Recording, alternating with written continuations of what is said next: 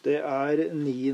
februar 2020, og vi skal i dag samtale om ledelse og lederskap med Rolf Olsen. Han er utdannet teolog og har en doktorgrad i organisasjon og ledelse fra et engelsk universitet. Han er forfatter, og, han, og han har en meget lang karriere som organisasjons- og ledelsesutvikler. Eh, han har jobbet med ledere og organisasjoner i alle sektorer. og Blant annet så har han jobbet med en rekke politiledere, både som coach ved topplederprogrammet og i et ledelsesutviklingsprogram i daværende Hordaland politidistrikt. Og Utgangspunktet for samtalen er spørsmålet hva har du lært om ledere og ledelse? Men først så vil jeg gjerne vite hvem er Rolf Olsen? Ja, det er jo et stort spørsmål hvem han er. Det er vel løk på løk, hva heter det? Som Ibsen sa, det er lag på lag inntil, inntil løken. Og så er spørsmålet om det er noen kjerne.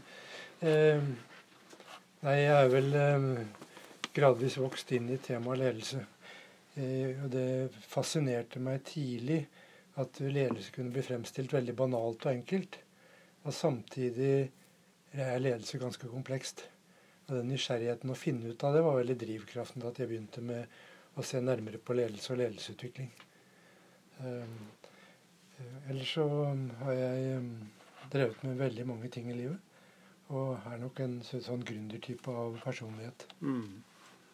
Du er uh, en voksen mann med familie, og jeg vet også at du uh, har vært og er idrettsmann.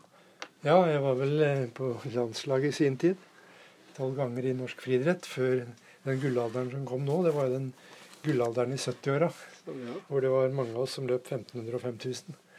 Og eh, fikk med meg en ti-tolv landskamper og noen mesterskap. Ja, så morsomt. Um,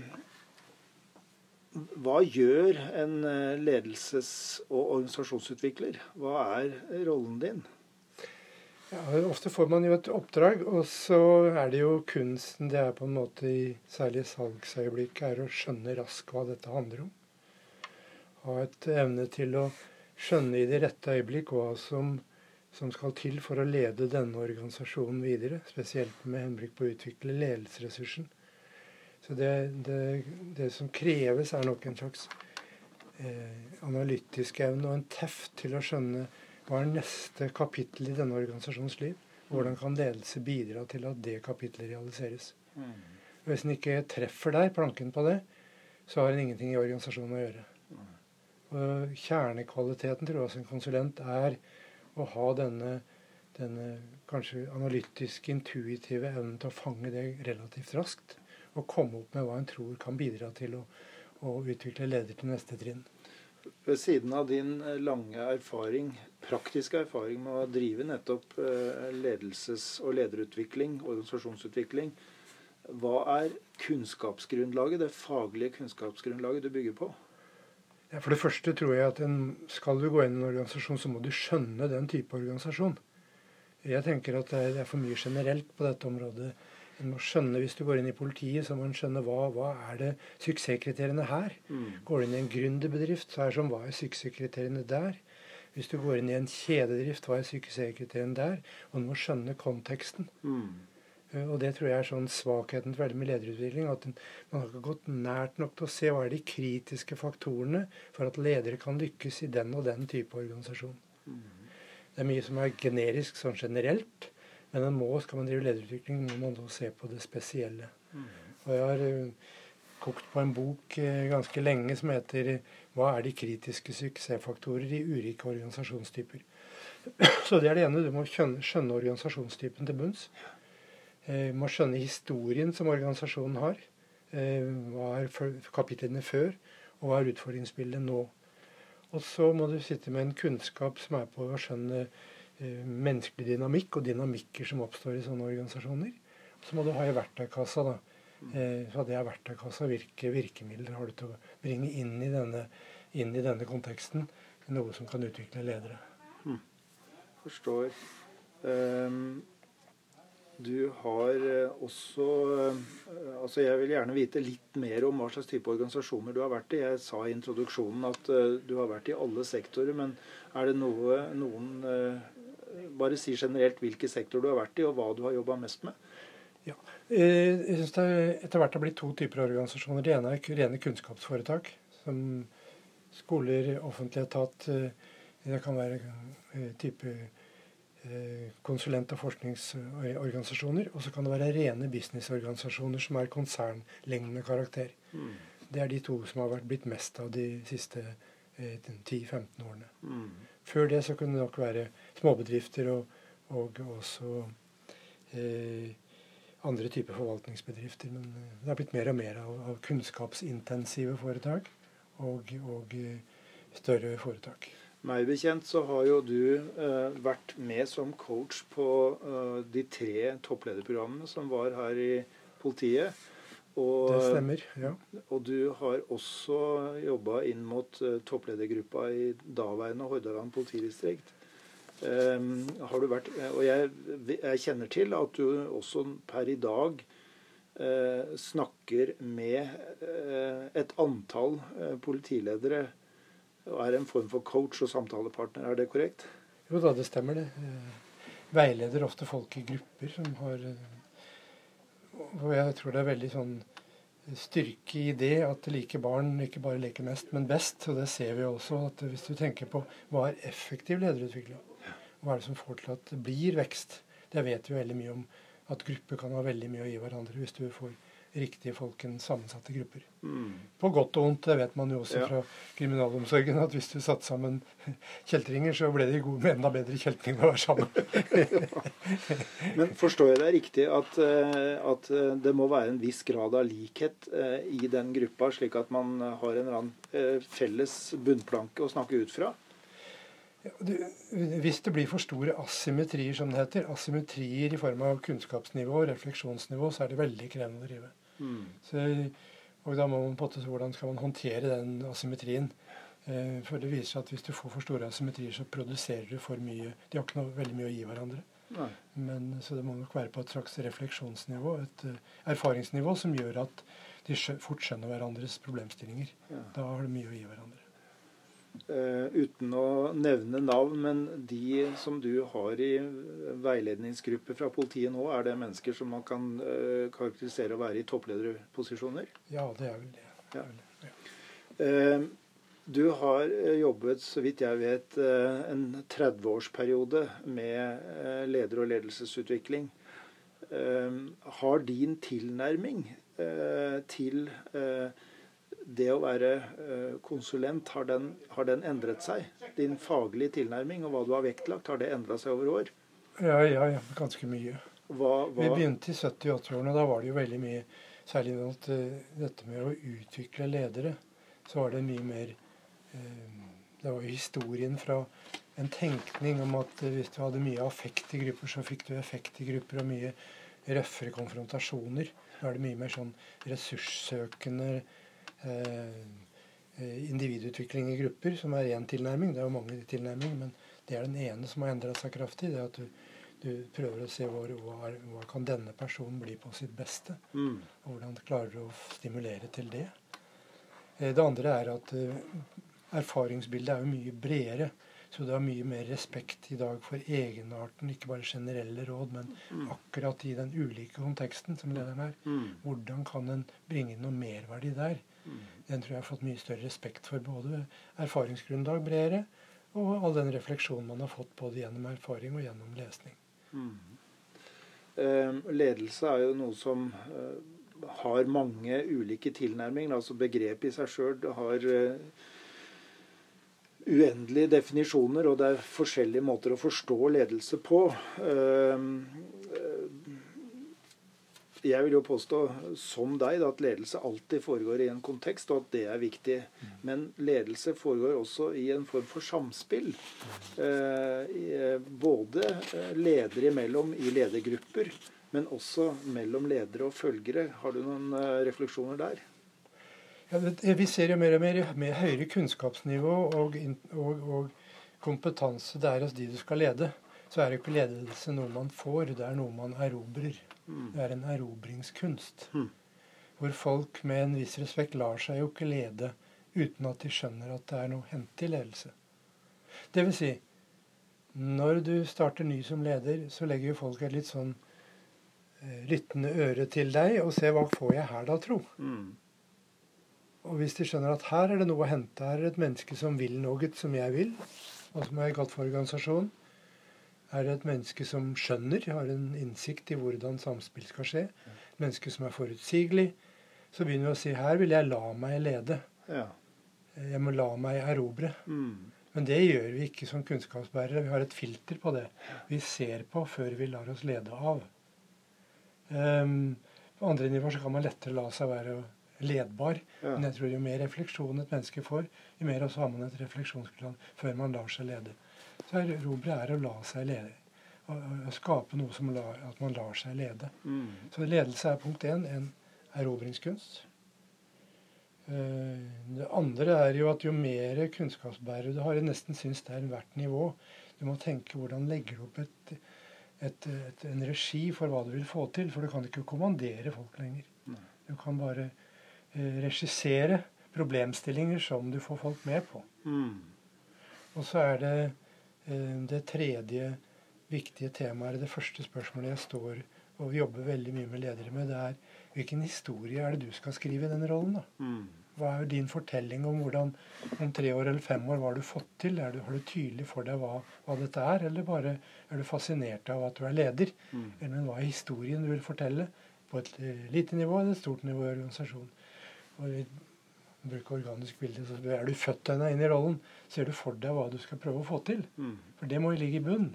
Ellers så er det jo ikke ledelsen er ledelse på tomgang. Ja. Det må være ledelse i forhold til å skrive en historie på en, en hvilken som helst rolle. Det jeg får som assosiasjon da, det ene er at her er det snakk om ledelse i form av eh, et strategisk perspektiv, Ja. men også en vilje. Man vil noe med sitt lederskap. Ja. Det lærte jeg veldig tidlig. Jeg var med på et forskningsprosjekt i England i mange mange år. Og Der prøvde man å finne ut hva det som, eh, når fikk vi til det vi kaller person position fit, altså en, hvor person og, og, og rollen passa sammen. Mm. Og når hva kunne man sette sammen gode ledelsesteam. Og det som gikk igjen, det var at vi fant ikke ut eh, så veldig mye av gode ledelsesteam, men vi fant ut hva som ikke fungerte. Ja. Og den, det aller sikreste var at det fungerte ikke hvis ikke lederen ville noe mer. Hadde en historie som han ville, eller hun ville, eh, gjennomføre, og som hun ville ha folk med på. Eh, hvis du fikk da folk i et lederteam som ville mer enn lederen, så ble det bare frustrasjon. Mhm. Eh, og, og som oftest så førte det enten at man avvikla lederen, eller gikk selv. Ja. Så mitt råd til ledere er at hvis du driver og vil noe mer enn lederen din og bare frustrerer, så finn ut hva du skal gjøre noe annet, eller, eller hvordan, hvordan dette kan, kan øh, håndteres på en annen måte enn å frustrere seg. Eller. Jeg stiller et banalt spørsmål til flere av de jeg snakker med i den serien her. Og et av de spørsmålene er vil du anse ledelse som en kritisk ressurs i en organisasjon? Det er den kritiske ressurs. Kan du utdype litt? Nei, hvis du øh, Altså, ledelser er jo en organisasjon. Hvis det ikke er noen leder, så oppstår det ledelse. Mm. Eh, og, og, og den kan jo være ganske destruktiv. Mm. Så det, dette er jo den kritiske ressurs for å rette felles krefter mot et mål. Og hvordan man skal få til det uten at du setter inn ledelse i en eller annen type hierarki. Og det er jo hierarkiets genialitet. Det er jo veldig for, det jo, for det første er det jo konfliktforebyggende. Det er Ja. ryddighet og struktur. Og det andre er at det gir muligheten til at ledelse kan utøves på ulike nivåer. Ehm, og jeg har aldri sett vellykkede organisasjoner uten at det har vært eh, ledere med god vilje både fra toppen og ned, og med visjon og, og, og eh, idé om hvor de vil hen. Jeg og andre er opptatt av begrepet ledelsesidentitet. Og grunnen til at jeg har vært opptatt av det, det er rekrutteringen av eh, mennesker inn i lederposisjoner i politiet. Hvor det er mennesker fra såkalte grunnstillinger, eller førstelinjen, som kommer inn. Og da må det skje eh, både en form for eh, endring på hvem er jeg, og hvem tilhører jeg, og hva skal jeg få til. Og du må bruke andre typer kunnskaper enn det man har tilegna seg som fagarbeider. Kan du si noe om hvordan du tenker knytta til begrepet ledelsesidentitet? Ja, nå, er jo, nå lever vi i identitetens tidsalder. Eh, og jeg tenker sånn, jeg, at når du får eh, tar en rolle, eller får en lederrolle, så får du et merke i pannen. Mm. Og den må redefinere på en måte alle relasjoner rundt deg. Du blir merket slik at det blir en ny sett av forventninger som stilles til deg. Og de forventningene også må du stille innover deg selv. Hva betyr dette for meg?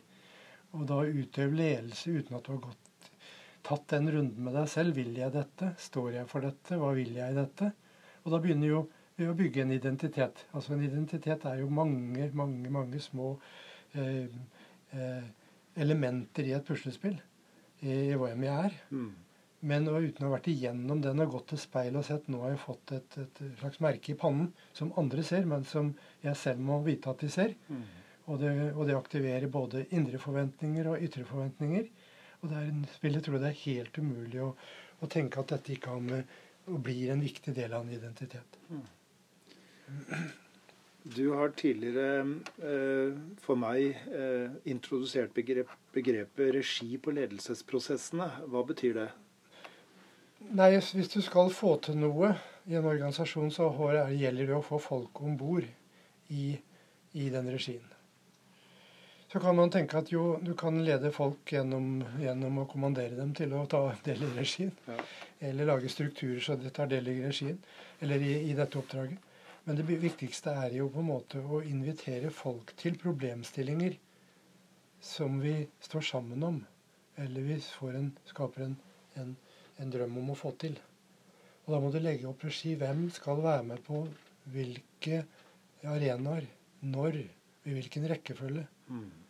Eh, og, og, lede det er regi. Regi er å sette opp på en måte orkesteret, invitere dem til å være med på eh, en, en, involvering, en engasjement, i en type rekkefølge. Og dette må tenkes godt igjennom. For jeg sier det sånn, enten så tar du regi, og fester grep om en endringsprosess eller en utviklingsprosess. Eller så blir du et blad på vannet. Mm. Dvs. Si at organisasjonen tar over, eller andre krefter i organisasjonen tar over og lager regi for deg. Og da er du solgt som leder. Mm. Så ledelse er jo det er det verktøyet du har når du ikke kan kommandere mm. folk. Så kan du regissere folk inn i et, og invitere dem inn igjen i diskusjoner. Og, regi, og regiledelse er det ikke skrevet nesten et ord om i, i ledelseslitteraturen, og det undrer meg. Mm. Når det er faktisk, når jeg ser på hva ledere driver med, så er det jo regier. Hvor, hvor de inviterer til folk til å diskutere problemstillinger som skal bringe oss framover. Det eh, jeg eh, må også utfordre deg på, det er eh, hvordan ledere både Du var så vidt inne på det. Både skal klare å ha henda på rattet eh, og, og, være med å styre det daglige arbeidet, men samtidig også ha et strategisk perspektiv. Og det å klare å være både i de rollene eller håndtere begge perspektivene, også veksle.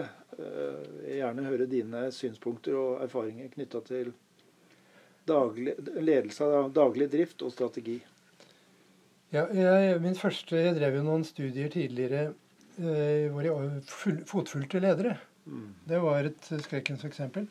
Eh, ved å oppdage at jeg lurte i slutten av dagen på hva det ledere egentlig drev med. Leda de, eller ble de leda? Det var avbrudd og tre minutter her og fem minutter der og to diskusjoner her og ett møte der. Sånn gikk dagene. Og så så jeg når på denne dagen leda de egentlig. Eh, og jeg tror nok lederhverdagen er sånn. Men hvis ikke denne, alle disse, denne strøm av oppdrag som kommer daglig til deg, hvis ikke den er, et, er, er på en måte forankret i en i en større plan. Mm. I en, å løfte et blikk. Hvor hører disse, alle disse møtene, disse avbruddene med inn i hva jeg faktisk vil få til? Så blir du ledet av, og du drifter en organisasjon mer enn å lede den.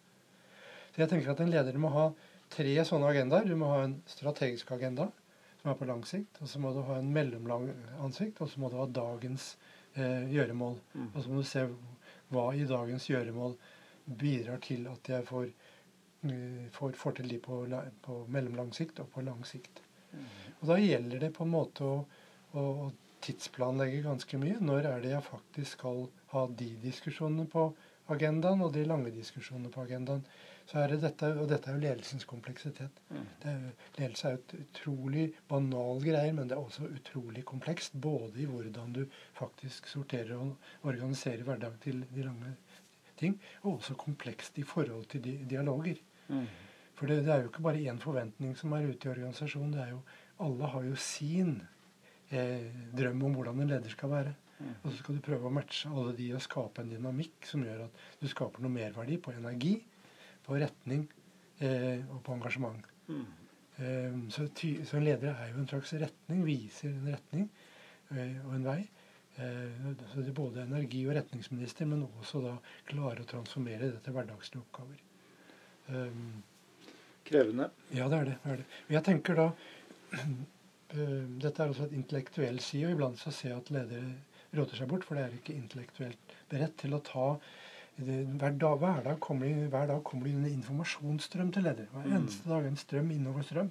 Du må ta unna strømmen. Mm. Noen kan bli fanget i den, og så leder de ikke.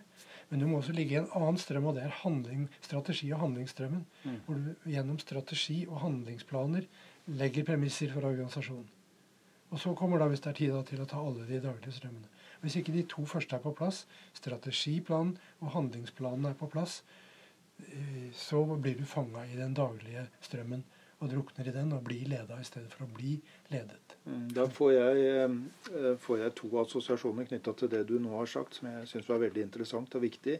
Det ene er begrepet handlingsrom, hvor eh, det er et begrep som er mye brukt blant politiledere. og eh, de fleste gir uttrykk for at de opplever handlingsrommet, og jeg sier opplever fordi det er en subjektiv størrelse, som lite og, og trangt. Mm. Noen sier at nei, men jeg har så så store budsjetter og så så mange mennesker. Jeg får til veldig mye. Mm. Handlingsrom er det ene.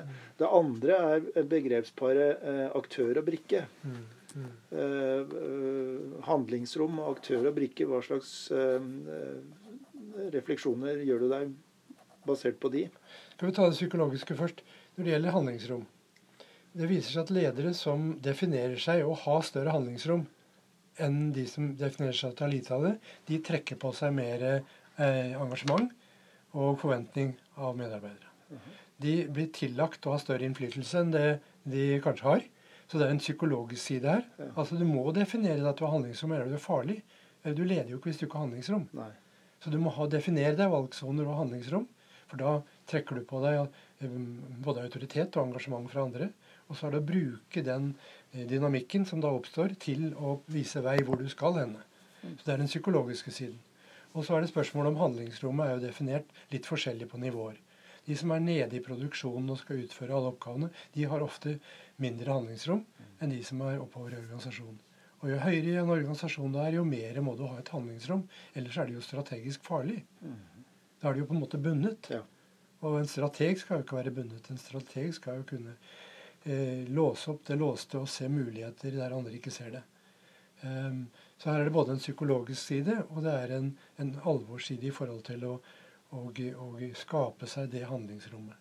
Og Hvis man ikke har det handlingsrommet, så er det, må det være noe fundamentalt galt i, i måten man håndterer ressurser på. For hvis du sitter høyt oppe i en organisasjon, så må du jo skaffe deg, eller du har ressurser som du disponerer, til å få et handlingsrom. Så dette er jo på en måte veldig, veldig viktige temaer. Når vi spør folk om dette i forskning, så vet vi at noen eh, i, i privat sektor de definerer seg med et større handlingsrom enn i offentlig sektor. Og det skyldes nok eh, mange ting. Eh, det skyldes eh, ikke New Public Management. Det er det man det, det tror jeg er en helt feiltenkning. Men det skyldes alle de rettighetskravene og alle de rapporteringskravene og alle de ting som har blitt innført underveis, som leder blir pålagt av, av rapportering osv. osv. Som, som de må forholde seg inn til, og som spiser opp veldig mye av det rommet de skal ha for å realisere målene. Så her er det sånn tveget sverg. altså jeg tror det er et unødig juling New Public Management har fått og får. eh, Delvis drevet ifra eh, muligens fra visse politiske eh, retninger. eh, I stedet for faktisk det som har vært, og det byråkratiserende og det krevende. Og det har vært alle de, de kravene som har kommet i etterkant av, av eh, fra, fra eh, 70-årene, 80-årene, 90 rettighetsbaserte ting. Mm. Og dette ser vi jo i politikken. Alle, alle, alle grupper ønsker å få ting inn på et rettighetskart. For da blir det jo pålagt så mye mer hva leger skal gjøre, hva sykehus skal gjøre, hva politiet skal gjøre. Og så spiser det opp hele rommet som, som, som etaten har. Mm. Hva, hva tenker du knytta til eh, begrepsparet aktør og brikke? Ja, så det, det er jo ett perspektiv på ledelse. Eh, hvordan folk opplever seg i et system. Ja. Jo, da, nå er vi inne på dynamikker ikke sant, i Mm. organisasjoner. Og, eh, og hvis jeg skal gå innom det, så blir jo dette med aktør-brikke-tematikken som smaker jo litt av dette med, med, med, med, kontroll og frihet og tillit og alle disse begrepene som går inn i denne, mm. denne måten å, å, definere ledelse. Eh, og jeg tenker at eh, på den ene side ledelse uten oppfølging og kontroll er jo abdisering. Mm. Eh, men så kan jo ledelse med kontroll drives slik at det blir opplevd som kontroll i stedet for for, for frigjøring. Mm.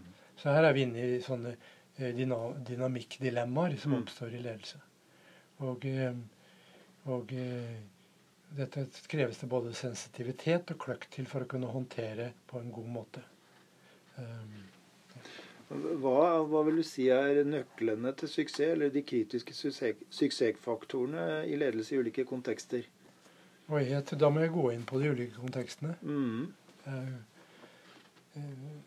Jeg kan tenke meg, hvis du, har, hvis du, driver på et høyt nivå i organisasjonen, hvor det sitter masse tankekraft, eh, eller du går inn i en ekspertiseorganisasjon eller i en kunnskapsorganisasjon, så er sekretæret nummer én du må skjønne at du skjønner dem. Ja. Du, de ansatte vil, må få en forståelse av at lederen skjønner hva jeg faktisk driver med, og skjønner hva jeg trenger. Hvis de får en dyp forståelse av det, så har de noe å dele. Ja. Må skjønne at du skjønner. Mm. Uh, eh, og det må skje ganske raskt. Så disse første øyeblikkene du møter en, en, en fagdialog Du bør ikke være best i organisasjonen, men de må være så gode at du skjønner at du skjønner. Ja. Eh, og det har med sånn kunnskap og innsikt å gjøre. Eh, da oppstår ledelse for, for kunnskapsarbeidere. Vi har noe å dele, vi har noe å, å, å jobbe med. Altså å kunne eh, snakke fornuftig om arbeidsprosesser, oppgaver ja. eh, den enkelte har. Og ja. kunne forstå såpass at man også stiller passende eller tilstrekkelig intelligente spørsmål. Ja visst. Og skjønner uh, hvordan egentlig organisasjonen fungerer. Ja. Så det er et tema som har fascinert meg mye, det har vært det vi kaller management derailment. Altså ledere som sporer av. Ja. Og de har ikke denne dype forståelsen av hva som er ute og går. Da danner det seg bakverdener, baksnakk eh, eller Det er det ene. Og det andre, det er jo dette med forutsigelighet. Promise delivery. Sier jeg noe, så må jeg holde det. Mm. Og jeg må på en måte stå på for det. Og jeg må kunne legge opp regier som folk kjenner at nå er de med på selve storyen som vi skal skrive. Eh, det, dette er suksesskriterier i, i, i, i, svært mange kontekster, og blir mer og mer av jo mer poesi kunnskapsbaserte organisasjoner er. Et annet banalt spørsmål. Hva mener du skiller eh, alminnelig gode ledere med, eh, fra svært gode og effektive ledere? Ja, det, det, mest fascinerende studiet var, som jeg har lest, det var en det var i 90-åra, og det var et stort tema. Hva er gode ledere, og hva er effektive ledere? Og det er gode ledere, Noen kan jo lede noen, men de effektive ledere synes å ha en større evne til å lede, til, til, å, til å mobilisere alle. Eh, det synes å være, være Og de lederne bruker tida si annerledes. Gode produksjonsledere, f.eks., som skal produsere enten fagstoff eller industri eller hva det er, Eh, de synes å være mye mer i interaktiv dialog med sine om et eller annet. Mm. De bruker mer av tida si inn mot gruppene som de skal mobilisere, enn de bruker å være figurer utad. Mm. Og Jeg sier ofte til toppledere hvordan er det du balanserer det? Trenger du en NK som kan være innenriksminister, og du utenriksminister? Eller hvordan faktisk gjør det hvis det er på toppledernivå? Ja. Men dette med nærvær i problemløsning sammen med medarbeidere synes jeg har en veldig stor effekt for å for å kunne få noen effektivitet i ledelse. Jeg har uh, nylig snakka med uh, konsernsjefen i Avinor. Og uh, tidligere et annet prosjekt så har jeg intervjua bl.a. den forrige riksadvokaten. Mm. Og de hevda begge to noe felles ting. Altså Avinor-sjefen sier at 'jeg har flysertifikat' jeg vedlikeholder det, og jeg skal kunne fly, for det er noe av eh, det som er nært driften vår. Må skjønne at du skjønner, ikke sant? Ikke sant. Og Riksadvokaten sa da at han hadde sin egen saksportefølje for å vite um, Følge med på helt det konkrete arbeidet knytta til etterforskningen og, og prosedere i retten. Særlig hvis du skal gjøre endringer, så må du, må du skjønne organisasjonen til bunns. Mm. Ellers så på en måte aktiverer du helt andre dynamikker enn det, det du er ute etter. Og dette var jo de banale tingene vi lærte i 70-80 år. Man leder kunne lede alt. Mm. Nei, det stemmer ikke. Du må, du må skjønne organisasjonstypen. Eh, må skjønne hva som rører seg i organisasjonen.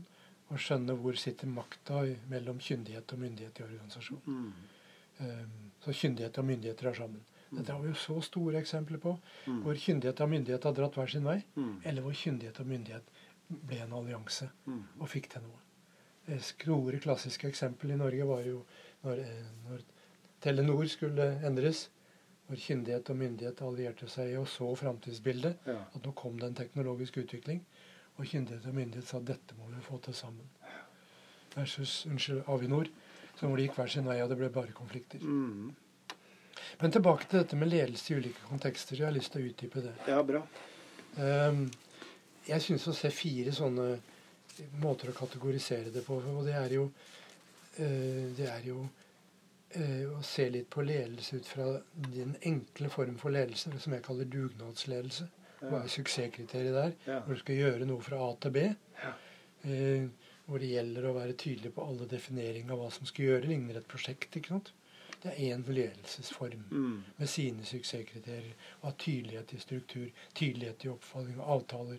Og, og straffe holdt på å si, rammer når folk i prosjektet ikke leverer. Ja. Det er én form for ledelse. Hands on, har, Ja. hardt i klypene og tydelig i strukturen. Så har vi den andre, hvor vi et trinn til i ledelse, kan vi se på kampledelse. Og det vil si, Da er vi hele idrettsbransjen, eh, eller idrettssektoren. Og det reiser jo en del folk rundt og sier at og inspirerer, og det er sikkert inspirerende for i andre kontekster å høre om idrettsledelse, men overføringsverdien er jo veldig lav Ja. etter mitt skjønn. Og det kan jeg tenke meg, Hvis du skal lede et fotballag, så, så, så er jo det egentlig ideologisk ledelse. Ja. Det, du må ha et, en idé om hvordan laget skal spille, og du Mm. må raskt få mobilisert laget til å spille sånn som du tenker de skal spille. Mm. Og da har du jo mm, Hvordan du skal spille, er jo selve ideologien. Og så er det å ha psykologisk og, og, og kløkt til å få mobilisert laget ditt og tro på dette. Mm. Og neste suksesskriterium vinner de på det nye konseptet tidlig, så er resten forsterking. Ja. Det er suksesskriterium. Mm. Så har vi da det vi finner mesteparten i offentlig sektor og i produksjonsbedrifter. Det kaller jeg produksjonsledelse. Mm. Hvor det er små forbedringer hele tiden. Å komme inn der og si at jeg har konseptet, og jeg har resepten og jeg har ideologien, det vil jo være katastrofalt. Mm. I den sammenheng er det lite ideologi.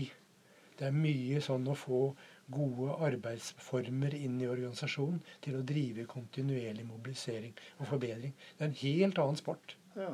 som vi da driver med der. Og så er det det som veldig mange har eh, slett med i, i, i, i det siste, og det er jo gjennombruddsledelse, hvor det dreier seg om at, dreier seg om at eh, nå må vi trans, altså En organisasjon i krise må transformeres. Organisasjon i krise må endres totalt. En ny teknologi kommer inn og bryter opp ting. Og det er en helt annen, igjen, annen måte å lede på. Mm. Å skjønne hva som skal til, hva er suksesskriteriene for å få til den type ledelse. Mm. Og Dette er det jeg mener med å skjønne kontekster. Mm. Å skjønne med hva er de kritiske faktorene for å lykkes. Og det er her man trenger rett og slett og veiledning og coaching og sånn. For dette er, dette er eh, krevende arbeid alle, på alle disse nivåene. Mm. Men dette, dette må en leder skjønne.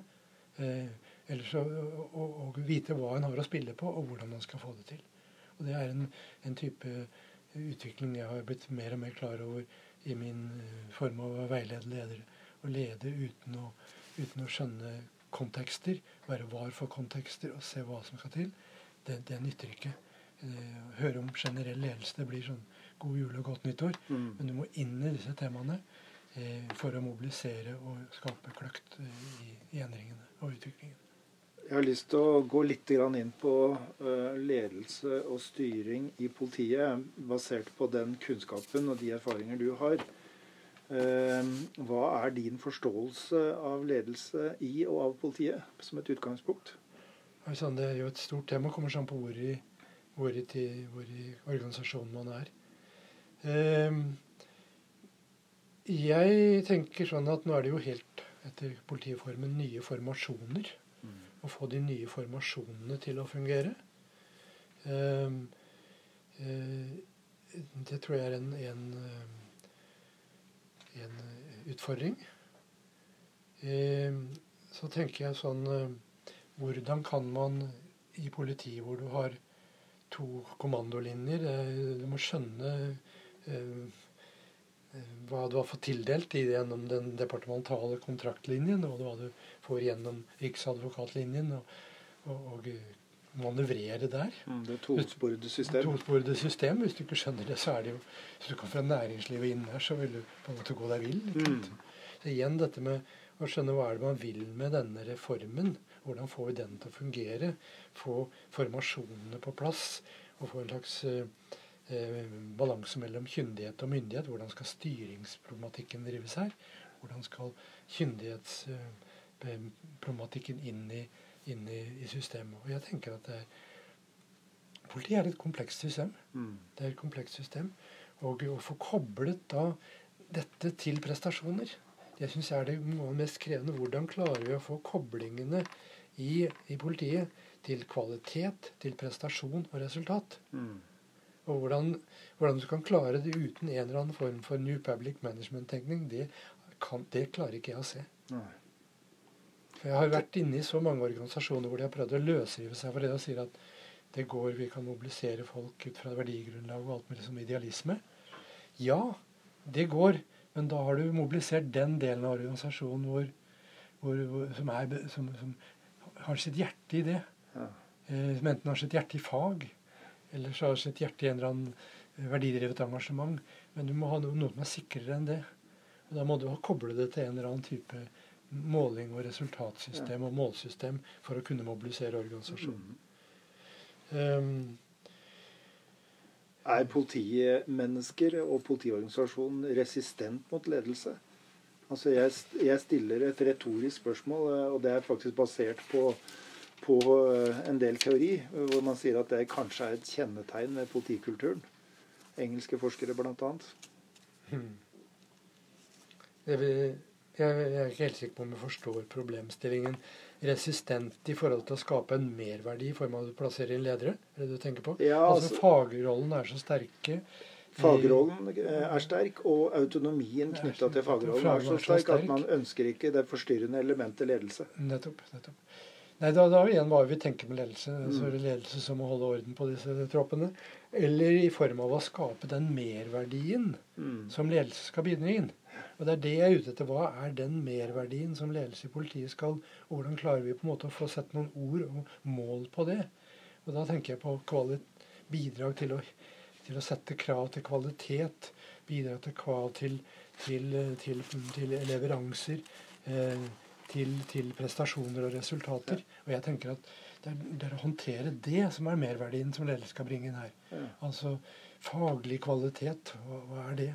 Eh, de gode diskusjoner, de gode problemstillingene, få løftet det eh, til å ha orden i rekken, så at folk eh, ikke bare er der ute, men de også skal levere noe der ute. Mm. Og også i forhold til å, å fylle dagene med, med initiativ ja. og kvalitet. Og at de er resistente Ja, vi vet jo en del om det fra profesjonsbyråkratiene. Mm. Dette jo, kan jo defineres inn i kategorien profesjonsbyråkrati. Du har sterke profesjoner her, mm. og du har satt inn i en byråkratisk sammenheng. Og det, jeg tror det i så henseende kan ha samme resistens som du kan finne i, i skole, mm. du kan finne i, i, i, i, sykehus, og du kan finne det i, politiet. Altså en mm. type profesjonsbyråkrati. Eh, jeg tror at uh, politiet i så henseende Eh, ikke er så resistente som de to andre sektorene. Fordi du har denne lojalitetsdriven i organisasjonen. Mm. Eh, og du har, eh, og du har eh, eh, en type variasjon i oppgaven som kanskje er sterkere, som gjør jobben mer interessant enn, mm. enn du kan finne i Samfunnsoppdraget er et begrep som brukes ja. veldig mye av Eh, av eh, tjenestemenn og -kvinner og av eh, ledere som jeg har holdt på med i, i mer enn 20 år. Ja. og hvis vi går litt mer inn på det, så er jo politiets samfunnsoppdrag definert i politilovens paragraf 1 og 2. Ja. Eh, men det betyr mye. Så det er på en måte både en retningsviser, et slags kompass, men det også gir noen rammer eh, for eh, tenkning og arbeid i politiet. Men det gir også mening. Ja. Og, jeg, og det her er jeg inne på noe viktig som jeg syns jeg så mye sterkere når jeg var inne i politiet og jobbet, og selv hos dere nå. Det er at, at koblingene til og motivasjonen til og meningen til samfunnsdraget er veldig sterk i organisasjonen. Mm. Mye, altså, Hvis vi tar disse, lager disse tre sirkler Du kan være motivert av samfunnsoppdraget, du kan være motivert av faget, eller du kan være motivert av spesielle verdier og idealisme. Mm. Og Der syns jeg politiet fremhever seg veldig sterkt i form av tyngden mot samfunnsoppdraget. Ja. Men i tillegg så tror jeg at veldig mange politimennesker og politiledere ønsker å bidra til bedre samfunn. Ja, det er det jeg merker. Ja. og det er jo en enorm urkraft som ligger i organisasjonen på det. Mm. Og det, det syns jeg var det flotte og, og, og, det inspirerende å være i, den, den, viljen til å skjønne samfunn og samfunnsoppdraget. Det er tyngdepunktet, den aksen som jeg syns jeg har matchet veldig mye med i, i, i lederutvikling i politiet. Okay. Eh, og den er tyngre enn jeg finner f.eks. i skole. I skole finner jeg tyngdepunkt i faget. Mm. Eh, det betyr ikke at disse andre disse tre faktorene her, altså samfunnsoppdraget, faget eller, eller brennende mm. personlige verdier på et eller annet område. Og Der er tyngdepunktet veldig tydelig i politiet. Tyngre enn i, du finner i, i både skole og i, i, i helse. Mm. Der finner du tyngdepunktet i faget. Mye sterkere grad. Hva tenker du om eh, altså Hvilken betydning mener du eh, det at politiet er det sivile maktapparatet? Hva tror du det har å si for organisasjonen og for ledelse i organisasjonen? Det i hvert fall avstedkommer mye mer når du kommer nær makt. Så kommer du nær kløkt og, og bevisstgjøring hvordan du bruker makt. Mm. Altså Politiet er jo en vanvittig eh, mektig organisasjon med fullmakter på, vei, på, vegne av samfunnet overfor deg og meg som enkeltindivider, som er veldig eh, omfattende. Ja, ja, og symbolikken i den er sterk ikke mm. sant? med en gang du ser et politi. Eller politiutøvelse. Så, da, så det, Man håndterer jo hele tiden i mye sterkere grad dette med eh, spenningsfeltet mellom tillit og makt. For de forutsetter å true hverandre hele tiden. Eh, og der eh, syns jeg jeg lærte mye selv om hvordan man reflekterte rundt hvordan og når man skal bruke makt, f.eks. Så enkelt som en demonstrasjon mm. eller et opprør eller en vanskelig situasjon. Eh, det her er vi inne på, her er vi inne på kjernekompetanser i politiet. Som du ikke finner i andre organisasjoner, hvor mye kløkt du må ha. Mm. Snedighet, bruk av makt. Eh, for makt fungerer jo best når du ikke bruker den, men vet at du har den. Ja. Så, så, her er vi inne på som politiet skal bygge mye av sin identitet rundt dette med samfunnsoppdraget. Støttet opp av faglig kompetanse, og gjerne dette personlige, idealistiske engasjementet, mm. som også kan dyrkes mer i politiet. Men tyngdepunktet må ligge på, det, på samfunnsoppdraget. Og gjør det i dag også. Eh, og her har jeg møtt utrolig mange flotte, flotte folk. Men knytta til samfunnsoppdraget, så, eh, og altså gitt eh, rollen politiet har altså da kommer vi inn i en form for spenning mellom statens politi og folkets politi. Mm. Uh, har du tenkt noe på det skillet der? Altså at vi er et politi som har, nyter høy tillit i befolkningen. Det viser gjentatte mm. tillitsmålinger, og nå den siste viser en økning. Mm.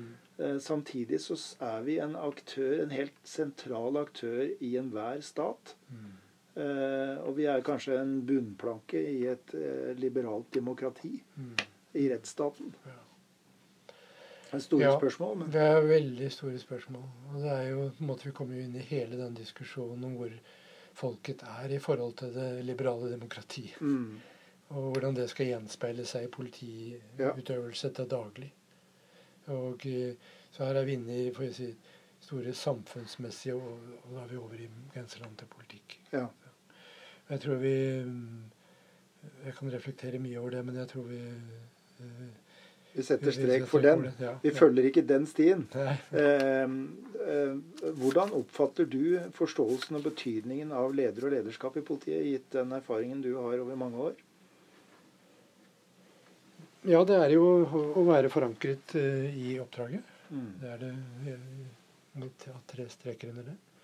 Så er det å skjønne den nivået eller kontakten jeg skal lede dette i. Og så er vi ned på 90 gress i hvordan jeg får til de gode eh, arbeidsformene inn i det arbeidet. Mm. Så du har en slags eh, verdimessig forankring og motivasjonell forankring. Du har en kontekst som du skal lede i, og så er det sånn ned til hverdagen. Få gode møter, gripe an de riktige tingene osv. osv. Jeg tror sånn hverdagsledelse eh, kan godt hende det er mye å hente det i politiet. Ja. Hvordan faktisk få til mitt lederteam til å fungere bedre. Akkurat det som er det, Det- det, det er siste spørsmålet mitt på, på det punktet her. Altså hva, på hvilke områder mener du at eh, Eller ser du at politiet kan utvikle ledelse og styring? Oi sann. ja. ja det, om det er mulig å si noe generelt om det. Eh, Ja, har- man, sier jo, man sier jo at eh, går du inn i en organisasjon, så, så kan du kategorisere gruppene inn i enhver organisasjon i tre grupper. Det er folk som får til å skape merverdi på sitt nivå. Og så er det noen som eh, får til det vi kaller nullverdi. du kan ta dem ut og inn, og det skjer ingen forskjell. For det, Mm, det er som å skifte lyspærer. ja. Organisasjonen går sin gang og gjør sin jobb. Og så er det det tredje, det er de som skaper våre støy og uro. Ja. De som skaper støy og uro og får til regressive krefter og protester i organisasjoner, det er sånn kontinuerlig 2-4 hvor ledelse ikke fungerer. Da syns det best. Ja. Men det store tror jeg er sånn å mobilisere den midtgruppen vi snakker om her. Hvordan, hvordan kan jeg bli bedre til å uh, skape den merverdi jeg har satt til? I form av, form av igjen å få øke produksjonen, øke effektiviteten, øke kvaliteten på det vi gjør. Og det er mye sånn hverdagsledelse. Det er daglig å se hvordan får vi effektivere møter. Hvordan får vi folk til å bruke dagen sin ute hvis de er ute. ute. Hvordan får vi eh, bedre produksjon i saksbehandlingen. Ja. Der er det mange typer lederroller i politiet. Mm. Men der er det mye å hente i politiet. Ja. For Der er det fort gjort at det kan bli ledelse på tomgang. Ja, det, det går Mm. på sin gang. Dette her. Men ha dette blikket for det jeg kaller midt i her, det vi kaller produksjonsledelse. Mm. Eh, For kontinuerlig forbedringer av det vi driver med. Skjønner.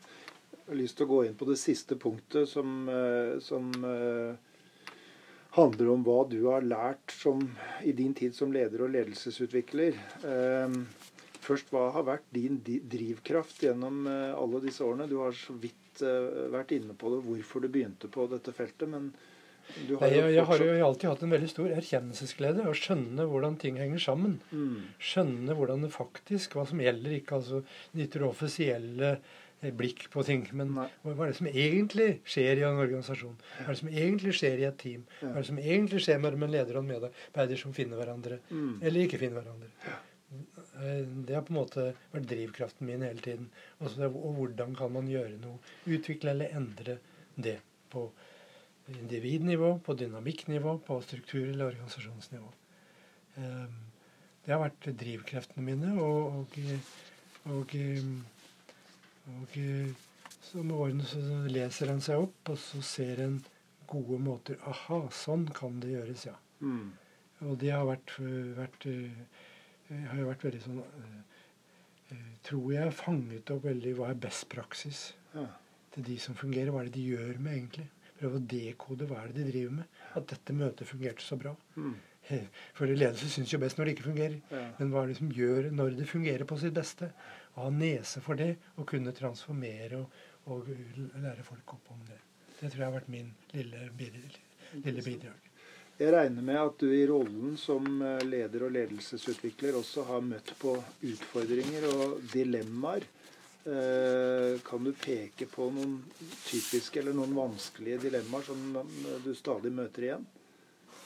Ja, det er f.eks. hvis du skal ha et oppdrag for en hel organisasjon, og så merker du at forutsetningen ikke er til stede for at det kommer noe ut av det du faktisk skal bidra med. Og hvordan skal du da håndtere, og hvordan skal du da agere som, som konsulent? Eh, Jeg ser iblant man blir invitert til eh, Og tidligere var jeg mye mer optimistisk. Mm.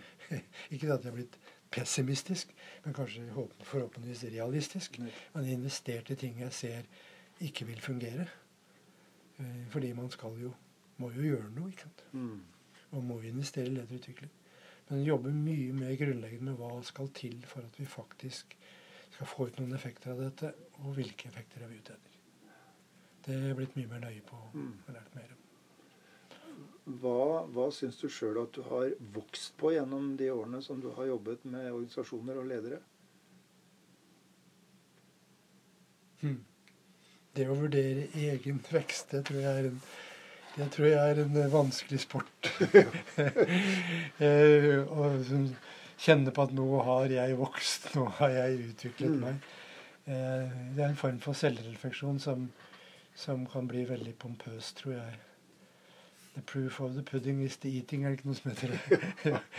Men jeg tror, jeg tror det kanskje er treffsikkerhet i forhold til å adressere de riktige tingene. Mm.